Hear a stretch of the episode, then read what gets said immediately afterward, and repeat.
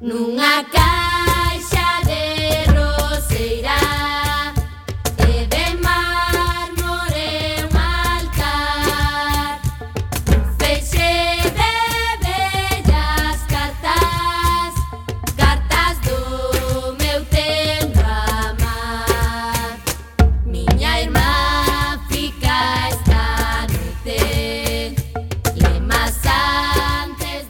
Ola, que tal? Xentiña Recendeira Benvidas e benvidos a este espacio radiofónico semanal adicado á cultura que facemos en riguroso directo todos os martes a 7 da tarde aquí en Coac FM no 103.4 a Radio Comunitaria da Coruña.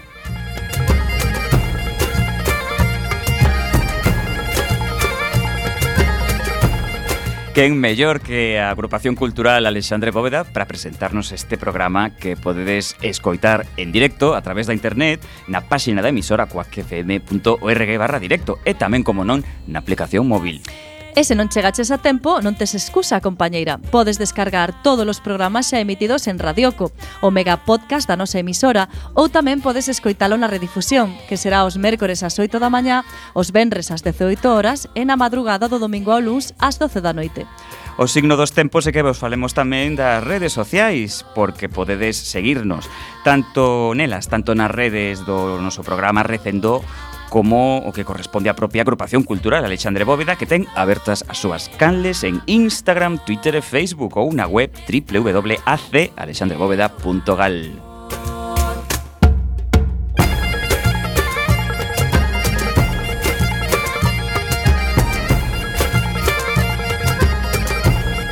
E xa sen máis imos caraló na procura desta fantástica aventura cultural con Roberto Catoira no control técnico e falándolles coa Almanteira Manu Castiñeira e Marta López.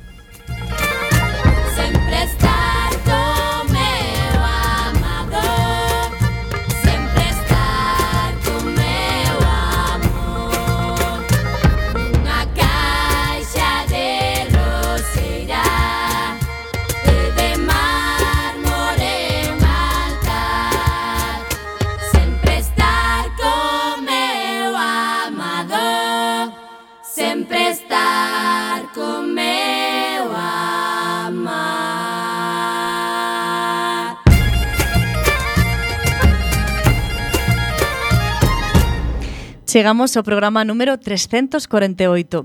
Contaremos como a convidado con Manuel Meijide, vicepresidente de Videoxogo.gal, a Asociación Galega de Videoxogos e Contidos Interactivos. Teremos tamén a sección de audiovisual a cargo de María Núñez Veiga. E non vai faltar o tempo de falar das actividades da nosa agrupación e das outras cousas, cousiñas e eventos que se fan na Coruña e na Galiza e que, por suposto, tamén son cultura.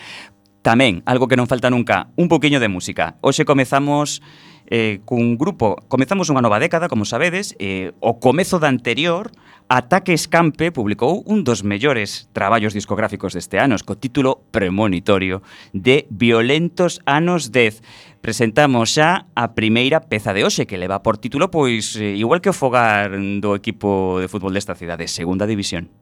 Uh, de que imos falar, señor? da supervivencia, da vida, do amor, da morte, do sexo, do matrimonio, da rebeldía.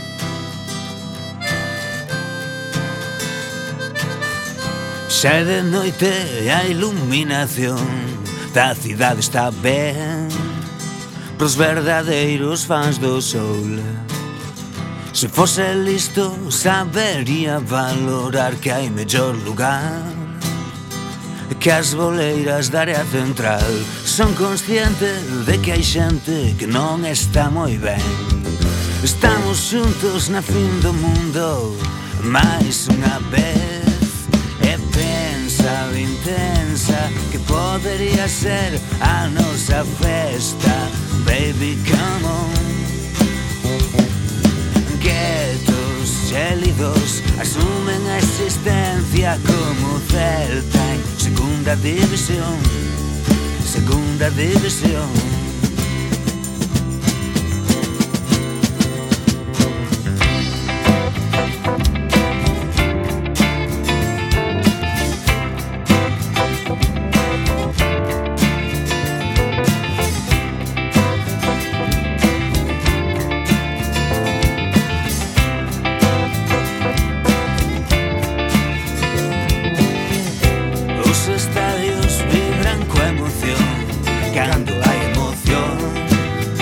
E cando non deixano estar.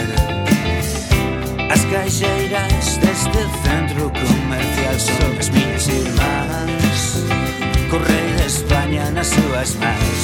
Son consciente de que hai xente que non está moi ben. É imposible ser normais Unha vez máis. É pena penso que podería ser agora mesmo un saxofón Notas sórdidas asumen a existencia como Celta en segunda división Segunda división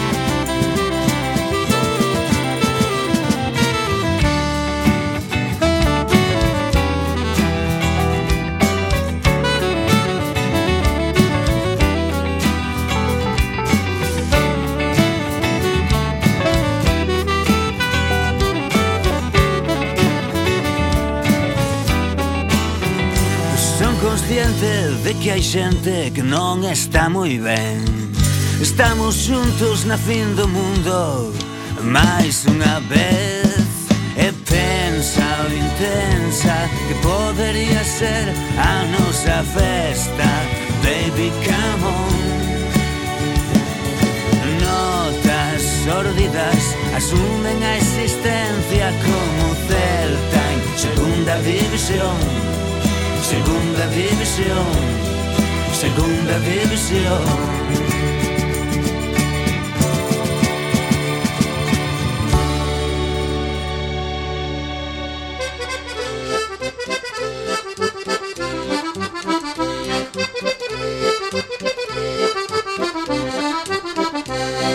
E o tempo das axendas culturais empezamos como sempre cada nosa asociación Alexandre Bóveda. O mércores 4, mañá mismo, presentamos no noso local o libro CD O Colo das Palabras, con Antón Cortizas, Xurxo Souto e Óscar Fojo. O acto é organizado pola Escola Semente de A Coruña, que xa se puxo en marcha neste curso en Someso. Será ás 19.30 horas no noso local Rúa dos Olmos, 16-18, primeiro andar. E o martes próximo, que día 10, temos o seguinte programa de recendo. Ese día vai haber un debate sobre o 8M moderado por Cristina Bajo, a nosa nova corresponsal de feminismo, por certo, tamén coordinadora do ciclo Mulleres e Realidades Comuns. O mércores 25, Paula Tomé, activista dos dereitos das persoas con diagnose psiquiátrica, dará unha charla titulada A saúde mental das mulleres ou como patoloxizar desigualdades. Será ás 19.30 horas no noso local. Música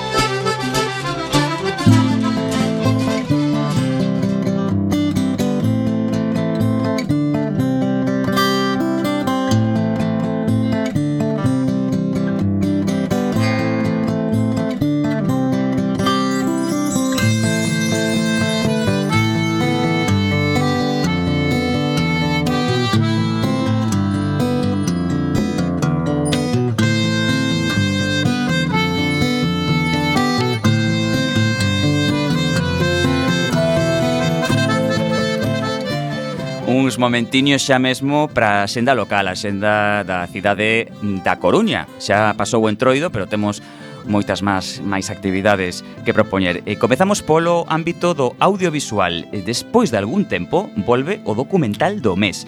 En marzo, neste que estamos que acabamos de empezar, poderase ver Cachada, no que cinco vendedoras ambulantes do Salvador expoñen as súas vidas nun taller de teatro. Oxe mesmo vai ser, oxe a xoito no agora. Este mes no Cegai haberá moito cine dirixido e protagonizado por mulleres. Por exemplo, mañá mércores ás 18 horas poderá verse Concepción Arenal, a visitadora de cárceres, dirixida por Laura Mañá en 2012. E o xoves 5 ás 18 horas tamén pode verse de novo Esquece Monelos, realizada en 2016 por Ángeles Huerta.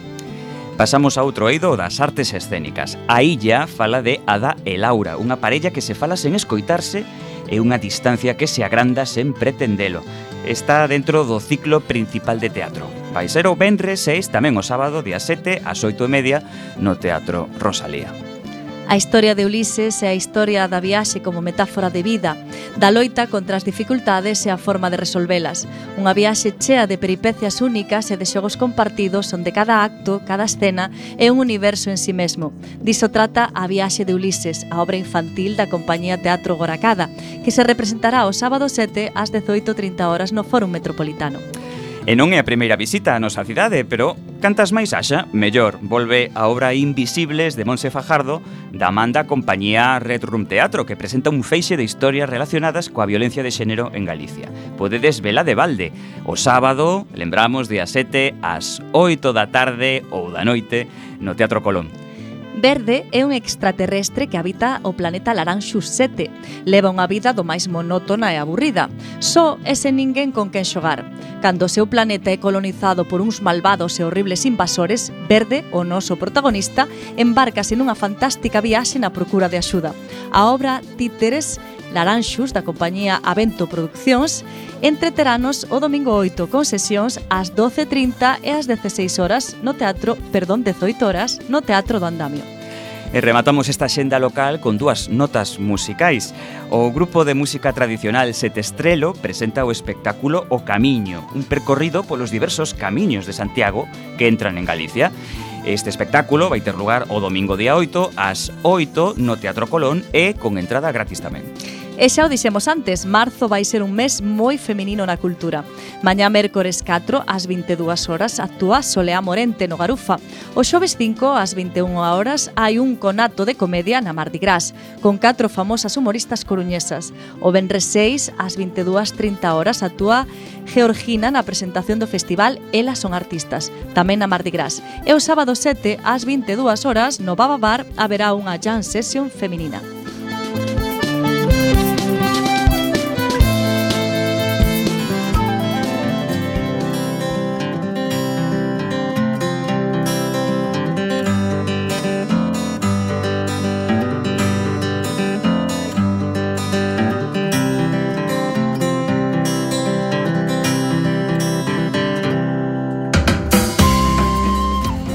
Terceira e última das axendas neste recendo de hoxe. Comezamos por Santiago, a capital. A sexta edición da Feira de Minerais de Santiago conta coa asistencia de máis de 20 expositores de varios puntos de Europa e Asia con minerais, xemas e fósiles de todo o mundo.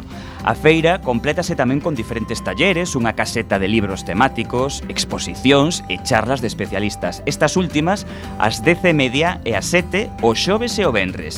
Este ano a organización elixiu centralas na minería en África. Están ata o domingo na Praza de Europa. E imos a Lugo. As celas de homes da planta baixa do Bello Cárcere acollen a exposición Prontuario, de Vanessa Somoza ato día 8, domingo. A mostra percorre parte da prolífica obra figurativa da artista lucense, coñecida tamén polo seu forte compromiso social e reivindicativo que traslada a estas obras onde vemos o maltrato sofrido polas clases populares e as nefastas consecuencias desta sociedade mercantilizada, pero cun atisbo de esperanza, dando voz coas súas pinceladas ás clases máis vulneradas, os emigrantes, mulleres, nenos e nenas en voz. Podedes vela ata o domingo. Pegamos un chimpo hacia baixo e así é que chegamos a Ourense. A Mostra Santomé Conxunto Arqueolóxico Cultural amosa os resultados da importante investigación realizada polo propio persoal técnico do Museo Arqueolóxico que abrangue a fase de traballo de campo e gabinete, a difusión dos resultados científicos, a restauración e a exhibición dos restos patrimoniais tamén, a partir dos restos materiais recuperados en diversas campañas de excavación, reconstrúese dun xeito didáctico e ameno os acontecementos máis destacados deste asentamento, desde o mundo castrexo ata o século V despois de Cristo. A selección comprende máis de 200 pezas, algunhas de extraordinario valor histórico e estético. Remata, por certo, este domingo día 8 no propio museo e a entrada é de balde. Acercámonos a Vigo, Non hai cousas de neno e cousas de nena, só de persoas. Esta montaxe narra e interpreta contos para educar na igualdade e na, e na diversidade. O eixo central das historias é a fada Menta, personaxe do libro das emocións para nenas e nenos, da escritora Gemma Lienas. As técnicas utilizadas para a representación son os despregables pop-up e o teatro de papel a partir de 4 anos de idade e con invitación o sábado 7 ás 12 da mañá. Vai levarse a cabo na Biblioteca Pública Juan Campañel. Subemos ata Ferrol, catro mulleres con magníficas voces, Juno, Maika, Astrid e Shaili. Van alternando o micro principal mentras exercen o resto como coristas harmonicistas da que nese intre exerce a voz solista e acompañadas da gran banda The Silverbacks. Elas fanse chamar as Aretha Soul Divas e actúan para vos o sábado día 7 ás 8 e media no auditorio. E baixamos a Pontevedra este ano por primeira vez desde Geals en Galicia, unha asociación sen ánimo de lucro dirixida a difundir a cultura tibetana e que ten como director espiritual a Chapur Ripoche, Rinpoche convidan a celebrar o Ano Novo Tibetano, Losar, un evento de xornada completa para gozar de diferentes tipos de yoga, yoga tibetano, vinyasa, hatha yoga, meditación e tamén concerto de bolos e comida ecolóxica, un día enteiro, o sábado a partir das 10 da mañá, para conectar cun mesmo e relaxarse nun ambiente natural, nun pequeno albergue co río o seu carón e mesas de pedra e pequenos camiños para gozar no medio da natureza. Saída desde o aparcadoiro da Praza de España. E xa rematamos este bloque convidando hoxe a Osa Viñao na provincia de Lugo. O catedrático Andrew Lawrence King é un dos intérpretes de música antiga máis respectados do mundo. Mm, dirixiu óperas barrocas, oratorios e música de cámara e mesmo ten un Grammy xunto a Jordi Savall. O seu traballo de investigación e súas grabacións con arpas celtas son ben coñecidos e respectados nos círculos de música tradicional. Visita a Igrexa de Santo Estevo de Rivas de Miño o sábado 7 a 7.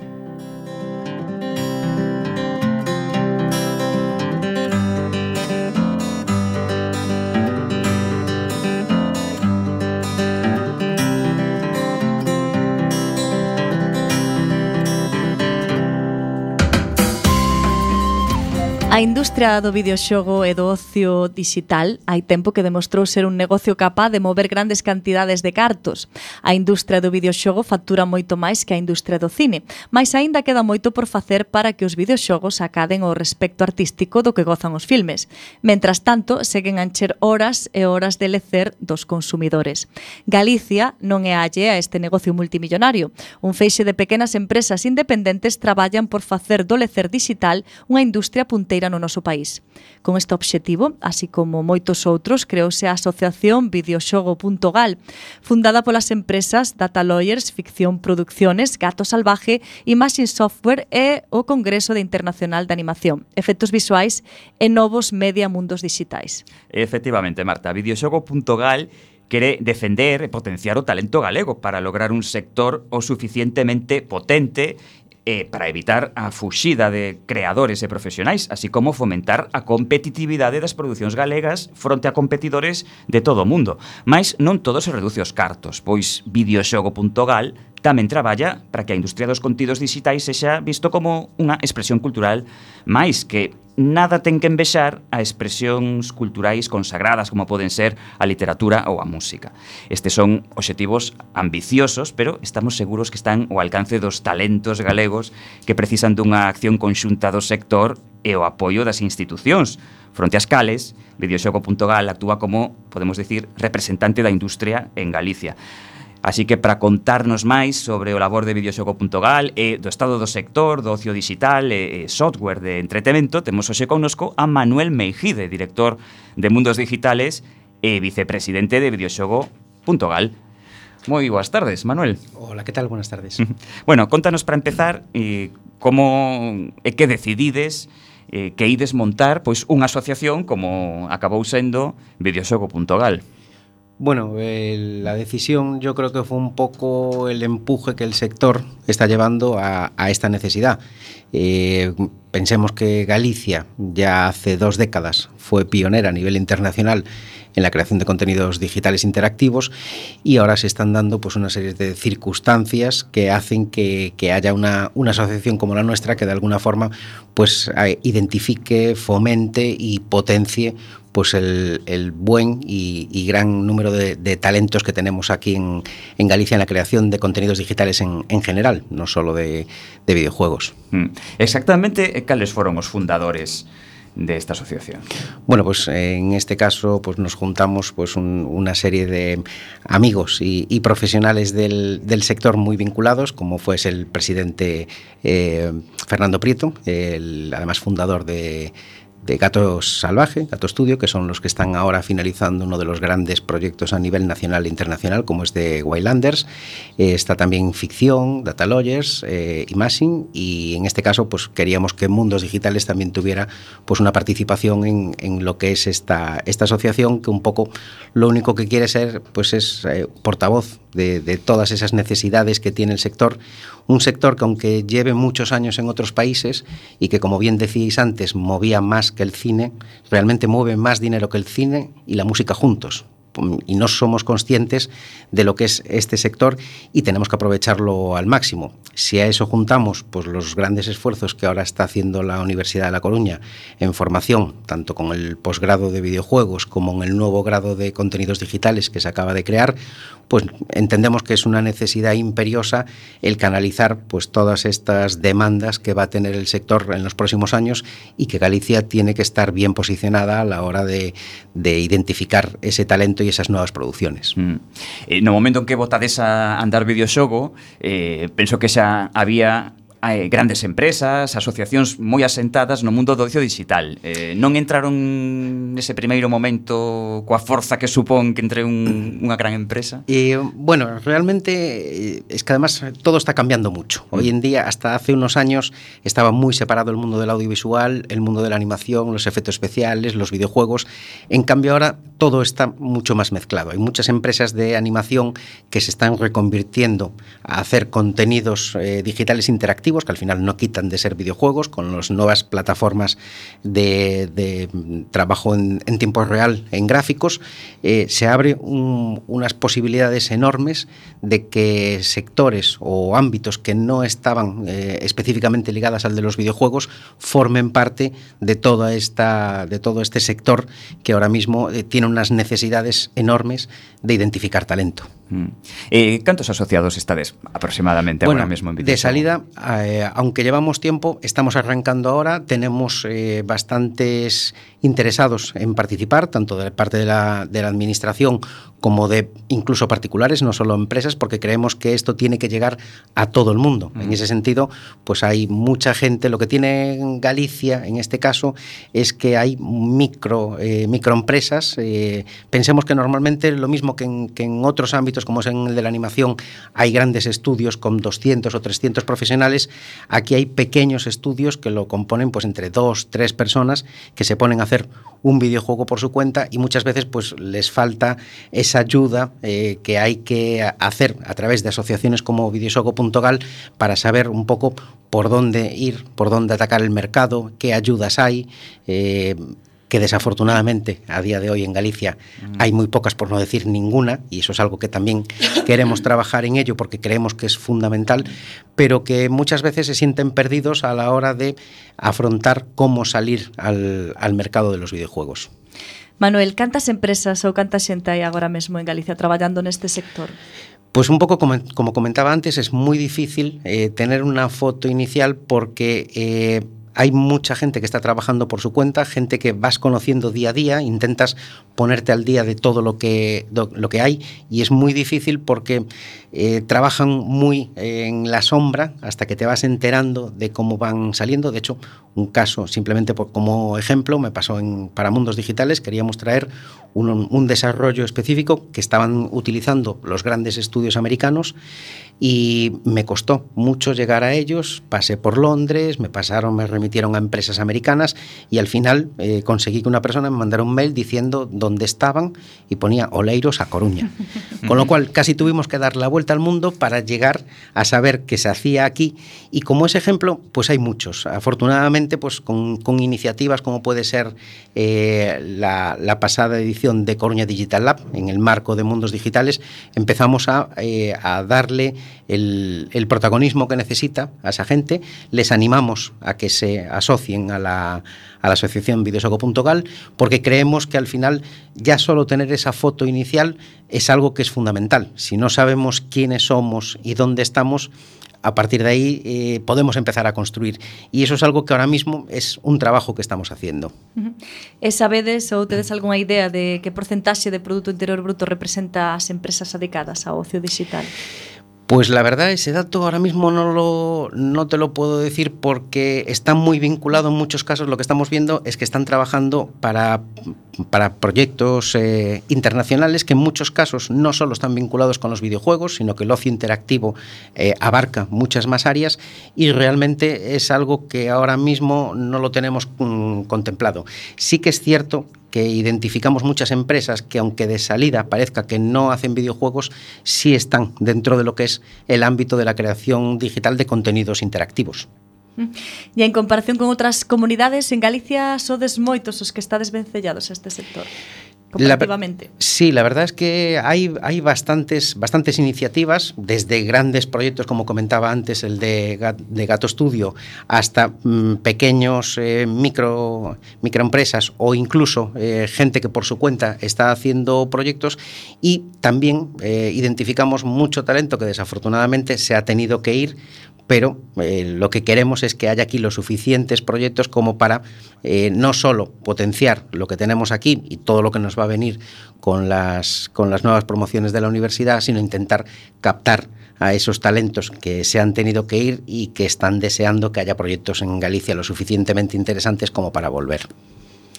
Ben, e cando citamos a etiqueta de ocio digital, Pois explícanos, eh, que, que, que metemos nese, nese saco de ocio digital? Videoxogos sí, por suposto, pero sí, supoño que máis. Sí, realmente, eh, como comentaba antes, pues es un, un mundo tan amplio que va pues desde los videojuegos, el cine, la publicidad, eh, los, los serious game, que muchas veces no, se desvinculan de lo que es el, Perdón, el los- videojuego. Los serious game es eh, la utilización de los videojuegos en otros ámbitos que no son los estrictamente, eh, como si dijéramos, los, los tradicionales de, de un videojuego, donde se puede trabajar pues en todo tipo de, de escenarios, desde análisis de, de datos para gestionar mejor eh, a través de las smart cities qué es lo que está pasando en una ciudad, el tema del turismo, el tema de movilidad, etcétera, etcétera.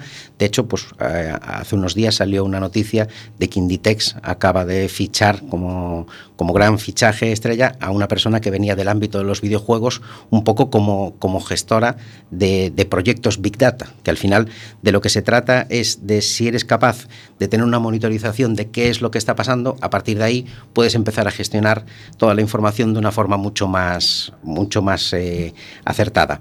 A eso tenemos que sumarle las nuevas plataformas que están viniendo como HBO, como Amazon, como Netflix, que están demandando una cantidad de contenidos eh, inmensos y eh, eso, toda esa esta ola es la que tenemos que aprovechar para poder meter al mundo de los contenidos digitales interactivos de lleno desde Galicia. Pensemos también que hay una parte de lo que le llaman ahora la industria 4.0, la nueva revolución industrial, que necesita eh, y está ávida de un montón de contenidos que tienen que ser estos sectores de creadores de contenidos los que tienen que desarrollarlo. Y ahora mismo son dos mundos que están bastante separados.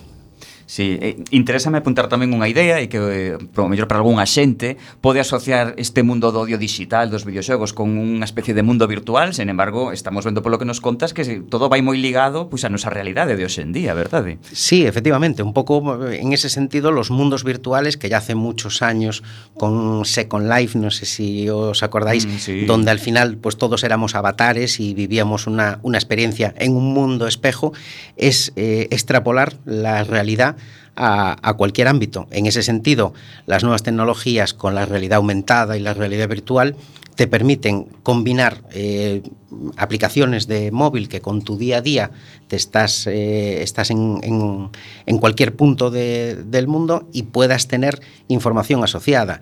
Esto quizá, si lo llevamos al mundo Pokémon, fue un poco el, el espaldarazo de salida. Pero al final hay un montón de información y un montón de contenidos, temas turísticos, temas de ocio, temas de gestión hotelera, etcétera, etcétera, donde los, los contenidos interactivos eh, son vitales y hay que empezar a explotar esas, esas líneas. Mm. Eh, non sei se tes unha opinión formada sobre o seguinte, o digo porque eh, por aí, hai quen di que plataformas as que fixeches alusión como Netflix, Amazon e tal, bueno, que, que realmente eh, van conformar unha burbulla que en algún momento eh, posiblemente posible que estoupe. Non sei se como se es máis optimista ao respecto. Yo en ese sentido soy totalmente optimista. Creo que realmente esto es algo que ha venido para quedarse, es una necesidad imperiosa. La forma de consumir contenidos digitales cada vez es más amplia, cada vez tenemos más dispositivos, tenemos menos tiempo y queremos eh, consumir esos contenidos donde queremos, como queremos y a través del dispositivo que queramos. Con lo cual, en ese sentido, la oferta que hay yo creo que es algo que, que es necesaria a día de hoy. E cal é o produto no que máis se traballa aquí en Galicia? Bueno, en contenidos digitales posiblemente el más tradicional con el que venimos trabajando en el sector es el de la, el de la animación. ¿vale? A partir de desde, la, desde hace casi dos décadas cuando se empezó la- con la película El Bosque Animado, que fue la primera película de, de animación, antes ya la misma empresa había hecho un videojuego que era Bicho, estamos ya casi remontándonos al siglo pasado, y desde la universidad, ya de aquella, eh, a través del máster en creación y comunicación digital, se creaban los profesionales que hoy en día están liderando grandes estudios nacionales e internacionales, con lo cual eso fue un poco el punto de salida sobre el que empezamos a trabajar. Ahora ya pues hay un abanico de empresas que trabajan en todo el ámbito de la realidad virtual, la realidad aumentada, en, en todos los sectores, no solo en la, en la parte de entretenimiento, que es una parte muy importante, pero hay otras partes eh, en las que ahora mismo yo creo que no se ha empezado ni a explorar toda la potencialidad que hay en ellas. Mm, bueno, en, comprobamos eh, un mundo moito máis amplo do que o mellor desde fora poidera parecer.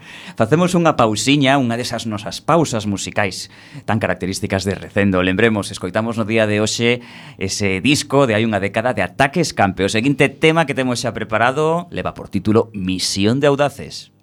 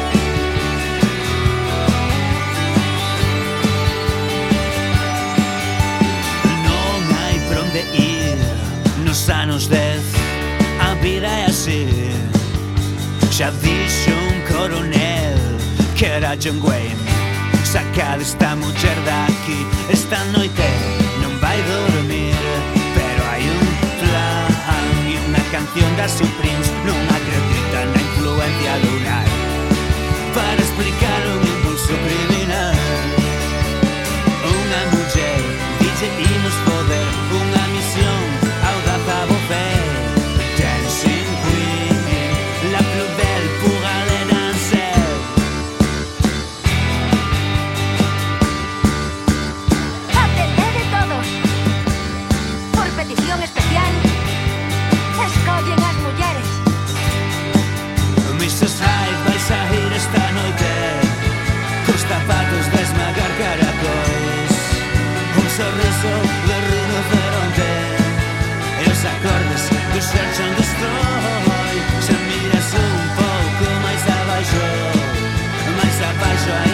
corazón.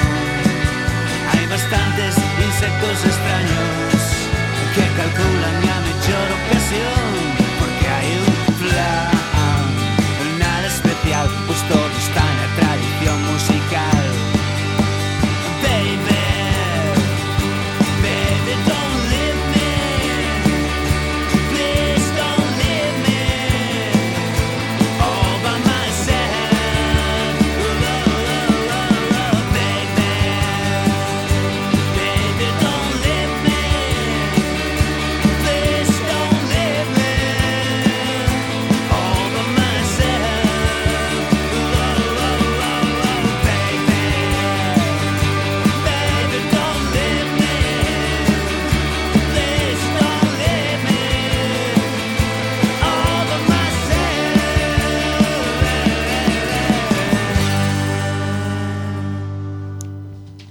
Retomamos a nosa conversa con Manuel Meijide, director de Mundos Digitales e vicepresidente de Videoxogos.gal. Eh, eu quería preguntarche cal é o tamaño das empresas que están asociadas a Videoxogo.gal. Pues hay de todos los tamaños, desde la más grande, con diferencia, que es Gato Studio, que tiene un, una plantilla estable en los últimos tres o cuatro años con la producción de este proyecto de más de 40 personas, hasta mm, iniciativas eh, personales que hacen su propio videojuego y gracias a las plataformas que hay ahora, como puede ser la de Apple o la de Android, tienes la suerte de poder poner tu videojuego en el mundo. Pensemos que hace unos años hacer un videojuego suponía mucho dinero, pero luego lo difícil era ponerlo en el mercado, conseguir que tu videojuego lo pusieran en el corte inglés. eh, independientemente de que la gente lo comprara, eh, estaba al alcance de muy pocos. Hoy, gracias a todas estas plataformas, se democratiza el, el acceso a tus clientes. Tienes millones y millones de potenciales clientes. Ahí es donde empieza a jugar eh, tu talento de que si lo compran o no lo compran, pues a lo mejor ya es algo que te tienes que plantear. Antes mucha gente decía, no, es que mi videojuego es muy bueno, pero la gente no lo conoce. Hoy en día eso, esa barrera yo creo que se ha pasado. Entonces, los modelos de negocio también son distintos. Ahora hay muchos videojuegos que empiezas a jugar gratis y luego te van enganchando y vas haciendo pequeñas cuotas. Sigue habiendo los, los grandes videojuegos AAA, que esos pues ya tienen un, un precio bastante más alto, pero dentro de ese abanico hay todo tipo de fórmulas para eh, que tu videojuego llegue al mercado. E cal é o perfil máis común entre os traballadores destas empresas? Es muy variado. Realmente pensemos que en una empresa de videojuegos pues tiene que haber pues desde programadores, eh, ingenieros, eh, informáticos, eh, dibujantes, guionistas, historiadores, porque al final depende del, del proyecto en el que estés trabajando, tienes que tener eh, expertos en todos los ámbitos. Eh, no, es, no hay un perfil, muchas veces se asocia a lo mejor el videojuego, la animación, a un creador, a un dibujante, y nada más lejos de la realidad. O sea, eso se necesitan, pero se necesitan buenos programadores, se necesitan incluso físicos para todo el tema de los efectos especiales. Hoy pensemos que las explosiones, los fluidos, todas estas capacidades gráficas que antes no las podíamos ni soñar, ahora se pueden hacer y nadie mejor que ellos para programar todas estas todas estas eh, posibilidades, con lo cual el, un estudio de videojuegos es un estudio mu- multidisciplinar. E segue sendo un ambiente maioritariamente masculino ou pola contra cada vez hai máis mulleres? Afortunadamente cada vez hay, hay más mujeres. Yo un poco las, las cifras que puedo manejar eh, son las de mundos digitales, que es quizá un poco pues, pues un reflejo de lo que es el sector. Empezamos, eh, recuerdo en el año 2001, con la primera edición, que había una chica, Y luego durante tres ediciones hubo una chica y ahora, eh, que casi nos juntamos 1.500 eh, personas en, en verano, eh, cerca, andamos cerca del 40% de mujeres. Bueno, non está mal. E hai unha industria que se adique a crear contigos, dir, contidos dirixidos a mulleres? Bueno, mm, no, que yo conozca, no específicamente, pero sí se están haciendo muchas acciones eh, en ese sentido. Por ejemplo, en el mundo de la animación está MIA, que es la, Asociación de, Mujeres del, del sector de la animación, y cada vez se ve que no solo hay más mujeres trabajando en el sector, sino que además ya están en puestos destacados, desde eh, fundadoras de estudios, supervisoras, etcétera, etcétera. Quiero decir, no son, no son puestos, como si dijéramos, eh, de, menos responsabilidad. En ese sentido, es- sí que estamos notando que cada vez más eh, hay mujeres eh, responsables de, de producciones. Mm, E eso notase nos contidos. Pues ahí ya no sabría qué decirte. Yo ahí es que soy más de que pienso que el talento eh, va con la persona, no va con el sexo. Y yo creo no, pero que... bueno, a veces nas series de televisión, por exemplo, é moi eh, significativo cando os guionistas si son homes, mulleres, a temática tamén é diferente, non? Sí, sí, sí, en ese sentido sí que, sí que notas que, que, que la, la incorporación de la mujer a este sector abre nuevas líneas, nuevos proyectos que muchas veces eh, a lo mejor pues mm, si es más de la parte de un chico, viene un tipo de videojuegos, si es una mujer, pues va, se abre un abanico más amplio de posibilidades, pero incluso por la propia demanda eh, del sector. Se están incorporando también muchas mujeres al consumo de videojuegos, con lo cual al final lo que tienes que hacer es dar una demanda más amplia. Eh, Manuel, eh, penso que a formación dos profesionais e dos futuros profesionais merece mencionarse.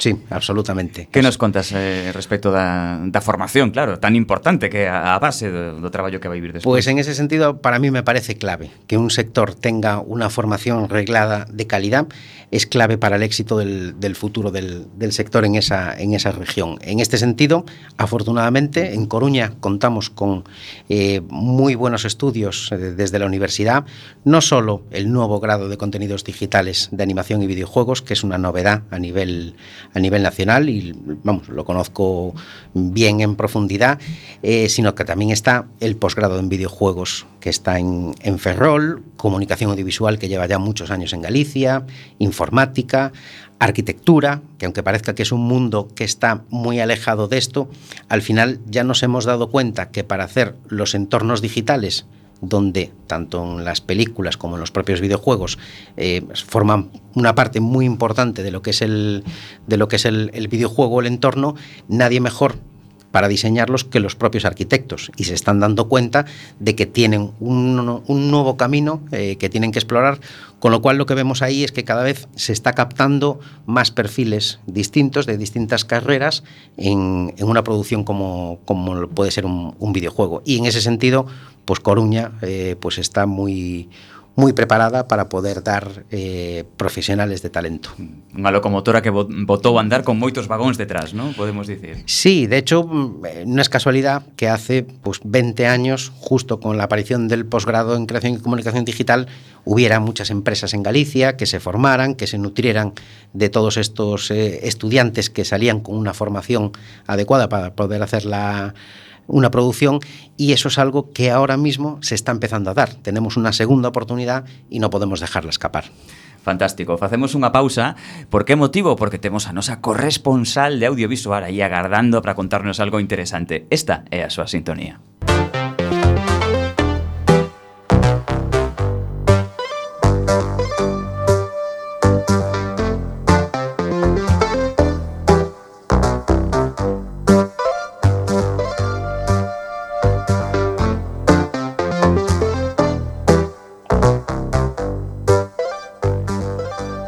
María Núñez Veiga, benvida de novo, nosa corresponsal do audiovisual, que tal? Moi ben, moi ben, emocionada esta semana. Sí? E por qué? Sí. Pois porque o sábado que o próximo terá lugar o evento máis importante do audiovisual galego. Ah, creo, creo que xa sei de que falas. A ver, conta un pouco os nosos ouvintes, por favor. Pois nada, eh, o próximo sábado 7 de marzo ás 21.45 horas no Pazo da Ópera da Coruña será retransmitido en directo pola TVG o evento a 18ª edición dos Premios Mestre Mateo. Sí. Eh, eh como está o panorama, María? Buf, pois máis emocionante que nunca. Este eu penso que o, o, o digamos que será a gala máis emocionante da historia dos premios Mestre Mateo. Carai, pero a ver, eh, danos algún motivo, ¿no? Porque isto isto non se oe prácticamente nunca un comentario como que o máis emocionante dos últimos anos. Pois mira, eh para min, o sea, eu penso que é o máis emocionante por entre outras cousas porque a competición nunca estivo tan igualada. Mm. É dicir, eh, este ano é eh, que é no, o ano en que, bueno, en canto a favoritos nas categorías, pois pues, eh, agora mesmo pois pues, temos, pois pues, mira, está eh, como a mellor película, pois temos a que, que na Ferro Mata, que conta con 15 nominacións, que o filme é dirixido por, por Paco Plaza, está producido por Vaca Films, que ten como protagonista Luis Tosar, que na súa vez tamén está nomena, nomi, nomeado a mellor interpretación masculina protagonista, e que se gañase sería o seu nome, un noveno premio nesta categoría. Eh, seguelle de cerca unha das grandes favoritas da noite que é o que arde, a película de Oliver Laxe, que acadou 12 nominacións que ademais eh, é unha película que ven avalada polo premio do xurado recibido ano pasado na competición Unha certa mirada do Festival de Cannes, que é un dos máis importantes do mundo, uh -huh. e eh, tamén, como sabedes, acaba de recibir un, uns premios, un, eh, eh, ven de ser moi nominado na, na, na, na competición dos Goya, no? na pasada edición dos Goya, aparte unha película que se a viron máis de 73.000 persoas. E, sen olvidar que na mesma categoría categoría tamén a mellor película e mellor, mellor dirección temos a Jorge Coira, un outro dos pesos pesados do, do, do cinema do cinema galego e da televisión galega eh, que ademais ten unha dobre nominación a mellor dirección con, porque compite por un lado con Eroski Paraíso que é a súa última película pero tamén con a, se, a serie Hierro que a, a serie, bueno, que ten é que a que ten máis nominacións ten, que ten conta con 16 nominacións Carai. aos Mestre Mateo. Eh, por outro lado, ten esta esta nomina, estas nominacións, pero aínda con con la coa serie de Hierro está a mellor montaxe tamén eh, eh, se consigue, pois mira, agora mesmo eh, estiven facendo contas e Jorge Coira xa leva gañadas 10 estatuillas na historia dos, dos, dos mestre Mateo. Así que dentro un pouco xa se, se volve a gañar, levará, chegará un momento que terá que, que empezar a, a facer sitio na casa para meter tanta, tanto mestre Mateo, non? Efectivamente. Eh, E por outra banda, bueno, pois digamos que as competicións máis gordas que hai están nas categorías profesionais e, e, e na presencia feminina porque como mellor actriz na, no que son mellor actriz protagonista temos a Benedicta Sánchez, que foi a actriz revelación, a gañadora do premio a mellor actriz revelación na, no, na pasada edición dos Goya, pero tamén temos a Cris Iglesias, que, que está aí por Eroski Paraíso, que ten unha competición especial e moi, e moi emocionante coa súa compañeira de reparto, con, con Patricia Lorenzo, que compiten as dúas pola mesma pola mesma estatuilla, e son as dúas as, as actrices protagonistas de Dos que Paraíso.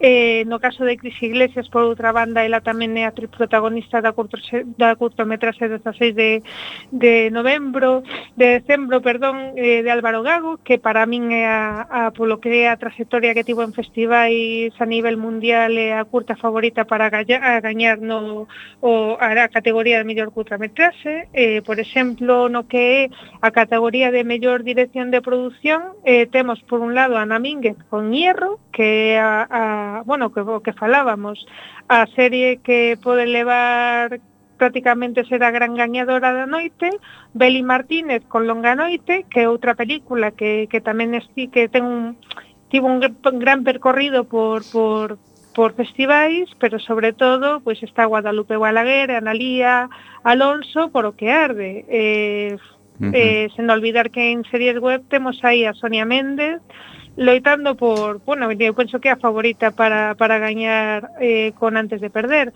Penso que este ano, a verdade é que estou, digamos, emocionada pensando a ver que vai pasar, que má levar, porque nunca estivo tan, tan, tan, nunca foi tan competitivo, nunca estivo tan reñido, eu penso, a, as categorías. Fantástico, pois estaremos pendentes, María, lembranos brevemente, o sábado, a que hora?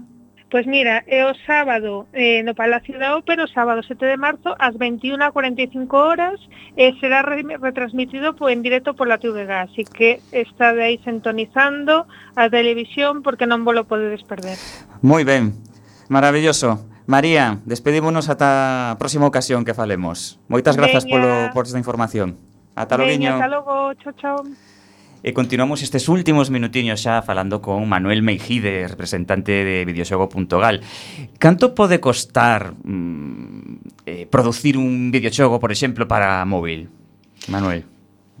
Eh, es que mm, es muy variable. No, no es una No es algo que, puedas calcular porque ahí, por ejemplo, pues en la parte gráfica eh, se meten muchos recursos, pero desde, desde mm, aventuras gráficas donde los donde valga la redundancia, los gráficos son muy sencillos y lo que importa es la idea, pensemos en el típico de, toda la vida, un Tetris, hasta los videojuegos donde realmente la parte de 3D, la parte de animación, texturas, etcétera, etcétera, pues, mm, son una parte muy importante del, desarrollo de videojuegos, con lo cual el abanico de posibilidades pues es, eh, inmenso. No, hay un, estándar de cuánto, de cuánto cuesta un videojuego.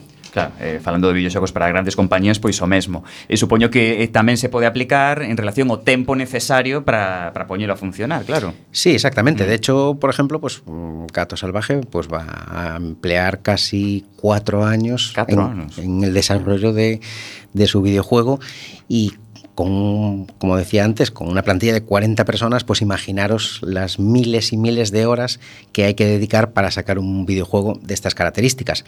A partir de ahí, bueno, pues vas simplificando escenarios, vas simplificando personajes, vas simplificando programación y bueno, pues em, puedes hacer pues, pues videojuegos pues a partir de 3, 4 meses sin mayor problema. Eh, como vos apañades para conseguir financiar eh, a realización deste tipo de produtos? Pues es algo extremadamente complicado. Complicado porque además pensemos que es un, un mercado donde al final eh, el reporte económico no lo tienes hasta que lo tienes finalizado, lo tienes ya en el mercado y a partir de ahí cruza los dedos para que a la gente le guste y puedas, y puedas tenerlo. Eso es uno de los grandes hándicaps que tiene el, el sector. Por eso es tan importante que desde la administración se conciencien de que tienen que apoyarlo, que tienen que ayudar a que todos esos proyectos, que hay muchos y muy buenos aquí en Galicia, yo he visto pues algunas presentaciones de TFG de, de alumnos y realmente es sorprendente la calidad que tienen.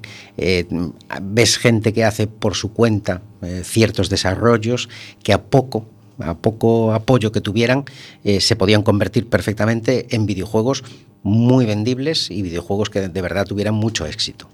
Manuel, e cal é o xogo, o produto realizado en Galicia que tivo unha maior aceptación?